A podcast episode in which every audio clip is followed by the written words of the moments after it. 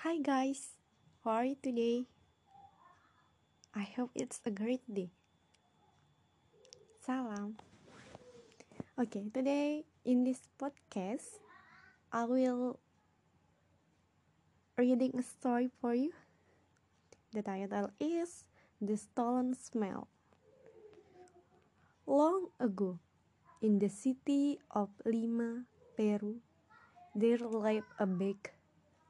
He was so stinky that he would even give a stale crumb to the bird. His neighbor, on the other hand, was uh,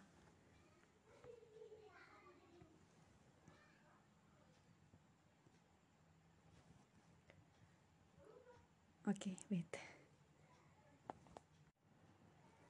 His neighbor, on the other hand, was a kind man who was always glad to share the little he had. Little he had. He cared more about making friends than he did about making money. The greedy wig was jealousy of cheerful Nick neighbor. He grumbled, How can he give so little and yet be so happy? Every morning, the smell of cinnamon buns and sweet rolls drifted out the bag. The wine carried the wonderful aroma towards the neighbor house. As the poor neighbor sat on his porch eating stale bread, the sweet smell filled the air. He took a deep breath and sang with happiness. As the baker watched, he thought, the smell from my baked goods make his stale bread taste delicious. That's not fair. He so had to fight for such pleasure.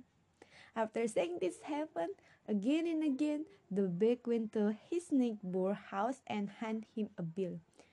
You want me to fire you? For what? I don't have enough money to buy anything in your store, said the kind neighbor. That's right. You find nothing and yet every day you steal the smell of my baked goods, yelled the baker. You mean you want me to fight tin cans a smelling fee? laughed the neighbor. Yes, from now on I'll not be cheated on if you don't fight. I'll take you to the court, replied the big.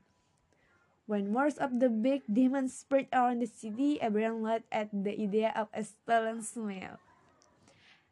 At last, the big was angry and he took the case to a respect judge. Everyone was sure that the judge would dismiss the case. After all, how could anyone steal a smell? But to their surprise, the judge said, It's my duty to listen to what the baker has to say. I order both the baker and his neighbor to come to court tomorrow. The judge sent word to the neighbor that he should bring five gold coins with him. When the kind man heard this, he worried that he would have to hand over the little money he had to the greedy baker. The baker was delighted with the news. He grinned as he thought of his pocket full of his neighbor's gold coins. The next day, the baker and the neighbor were at the crowd court. Many townspeople were puzzled by the judge's action and came to see what the judge will do. They could not believe that he might make the kind man frying for a smell. When the judge walked in, the courtroom fell silent. First, he listened to the bear complaint, then he turned to the neighbor and asked, It's true that you have enjoyed the smell of this man's baked goods every day for many years? Yeah, your honor, I must confess that is true, admitted the neighbor. The judge thought for a while. Finally, he declared, A smell has been stolen. Since stealing is a crime, the neighbor must be punished. The kind man But, Your Honor, order in the court. Below the judge. He then turned to the neighbor and demanded, Take the five gold pieces from your pocket. After the neighbor did so, the judge ordered, Now drop the coin from one hand to the others. The neighbor passed the gold coin back and forth between his hands. The judge turned to the baker and asked, Did you hear the jingle of the gold coin? Yes, I did, said the baker with a greedy grin. Did you like this sound? asked the judge. Yes, it's a wonderful sound. It is the payment I believe I deserve, cried the baker. The baker began to move toward his neighbor to grab the money. Wait, cried the judge. You have already buyer partner. Your neighbor was guilty of stealing the smell of your baked goods. You have been paid by hearing the sound of his money. This case is dismissed, said the judge. Laughter filled the courtroom as the people marveled at the judge's cleverness. The baker shook his head even he saw how foolish and greedy he had been. From then on, the judge was known as the wise of all, judging people fairly and honestly while also taking full responsibility of our action. Moral of this story is always serve people fairly and honestly. Oke, okay, jadi cerita ini tuh bercerita ini cerita lucu, lucu ya kalau dalam bahasa Indonesia. Jadi ada penjual roti yang merasa tetangganya nih, tetangganya mencuri bau rotinya dan dia meminta tetangganya membayar.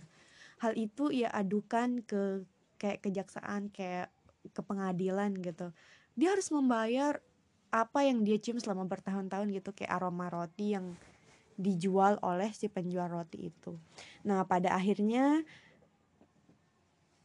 ketika mereka sampai di pengadilan gitu ya dia merasa malu karena akhirnya pimpinan sidang gitu ya hanya memberikan dia mendengar uang koin yang jatuh sebagai ganti aroma rotinya yang dicuri. Nah, jadi terus moralnya kita harus memperlakukan orang secara adil dan jujur sesuai bagaimana mereka memperlakukan kita. Tapi seperti cerita sebelumnya, nilai dari diri kita adalah ketika bagaimana kita memperlakukan orang lain, bukan bagaimana orang lain memperlakukan kita. Oke, okay, see you in the next podcast. I hope you enjoy this podcast. It's I have me mispronunciation in every, every single part maybe. Hope you can correct me if I'm wrong. Thank you for today. Happy enjoy your day. Salam, semoga harimu menyenangkan.